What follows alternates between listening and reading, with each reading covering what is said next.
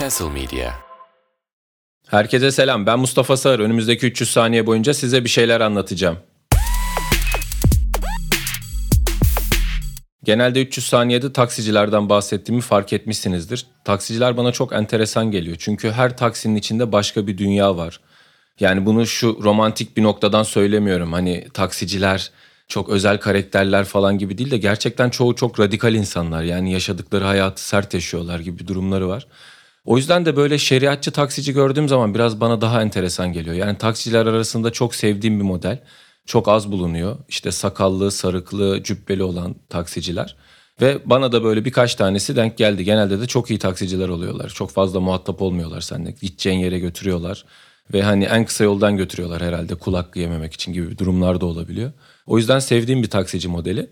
Taksi geldi. Taksici tabii şeriatçı olduğu için olacak. Ön taraftaki koltuğu öne yatırmıştı. Hani bunun şeriatçı olmasıyla ne alakası var diyebilirsiniz ama sonuçta yanına bir bayan da oturabilir yani. O yüzden o riskleri ortadan kaldırmak adına adam namusunu en güzel şekilde korumuş. Koltuğu ön tarafa yatırmış.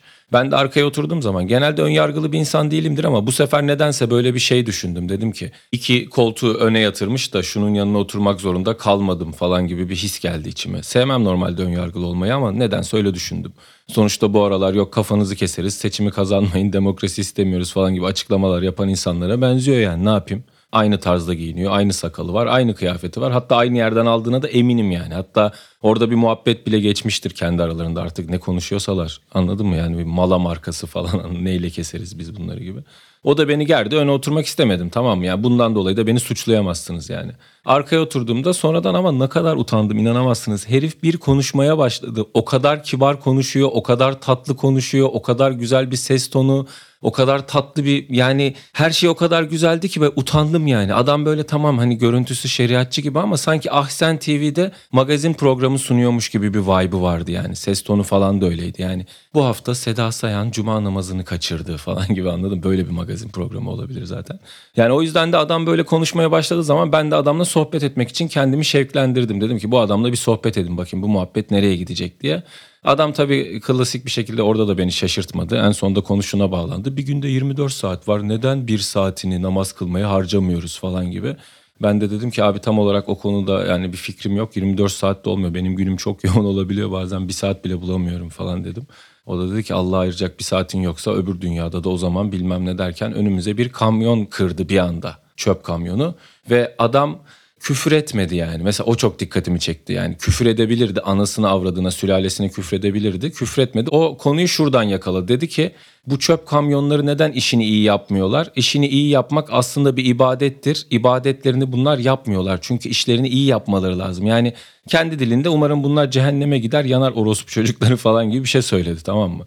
Ben de o sırada nedense çöpçüleri savunmak istedim. Yani sonuçta çöpçüler çöp toplamak için motive olmak zorunda değiller abi anladın mı? Sonuçta senin çöpünü topluyorlar. Bu kimsenin yapmak istemeyeceği bir iş ve kimsenin yapmak istemeyeceği bir işi bir insandan çok motive bir şekilde, mutlu bir şekilde yapmasını bekleyemezsin. O yüzden ben veznedeki insanların mutsuz olmasına, çöpçülerin mutsuz olmasına, acil serviste çalışan insanların mutsuz olmasına ve işlerini iyi yapmamalarına karşı çok saygı gösteriyorum. Bence insan olmanın en önemli, en temel duygularından bir tanesi olan var olmaya çalışmak ve eğlenmek kavramlarını tamam mı yok etmeden hayatlarını sikko bir şekilde yaşamak istemiyorlar gibi geliyor. Bu da kötü bir şey değil. Ben de adama bunu söyledim.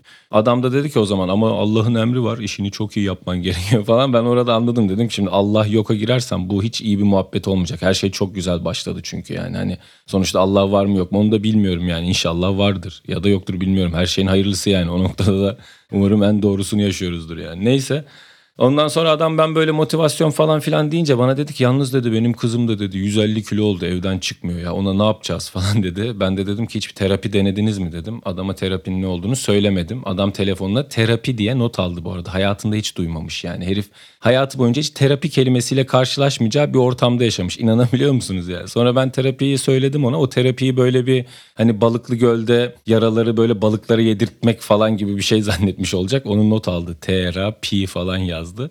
Ondan sonra ben dedim bir terapiye götürün. Belki o zaman bazı problemler ortaya çıkar ve falan filan saçma sapan konuşmaya fark, başladığımı fark ettim. Genelde zaten çoğu motivasyon konuşmacısında yaptığı şey bu. Mesela çok kilolu bir insana kilo vermesi için akıl veriyor. Ama söylediği şeyleri o insan yapabilseydi zaten o kiloyu almazdı. Yani Michael Jordan'ın çıkıp böyle insanlara nasıl ters smaç bastığını anlatması gibi işte bir metre sıçrıyorum. Havada 360 derece dönüp elimle potayı ters tutup topu içeri sokuyorum falan. Oğlum zaten biz onu yapabilsek anladın mı? Sana öyle hayranlıkla bakmazdık yani. Neyse benim kapının önüne geldik ben terapi anlatırken ben burada ineceğim dedim. Adam dedi ki yalnız inerken dedi bir yorum yazarsanız gönlünüzden geçen bir yorumu. Bakın yıldız verin demiyorum falan gibi öyle bir şeye de inanmış artık. Çünkü bir yandan taksiciler artık bir an online kimlik oldular tamam mı? Oradan böyle bir like beğeni paylaşı istiyor böyle YouTuber gibi. Ben de tabii ki abi dedim hayırlı akşamlar dedi. Ben de iyi akşamlar dedim inadına. Çünkü orada bir hayırlı iyi muhabbeti şey gibi oldu işte selamun aleyküm aleyküm selam veya herkese merhaba falan gibi. Onun ki o da Arapça bir kelime. Neyse finalde işte adam beni evime bıraktı. Ben taksiden indim. Taksiden indiğimde cüzdanımı takside bıraktığımı fark ettim ve adam ileride beni bekliyordu. Gittim cüzdanımı geri aldım. Adam böyle kul hakkını bana geri vermiş gibi sevap point almış gibi yüzümün içine baktı. Mutlu oldu. Taksisine bindi gitti. Ben de eve gittim.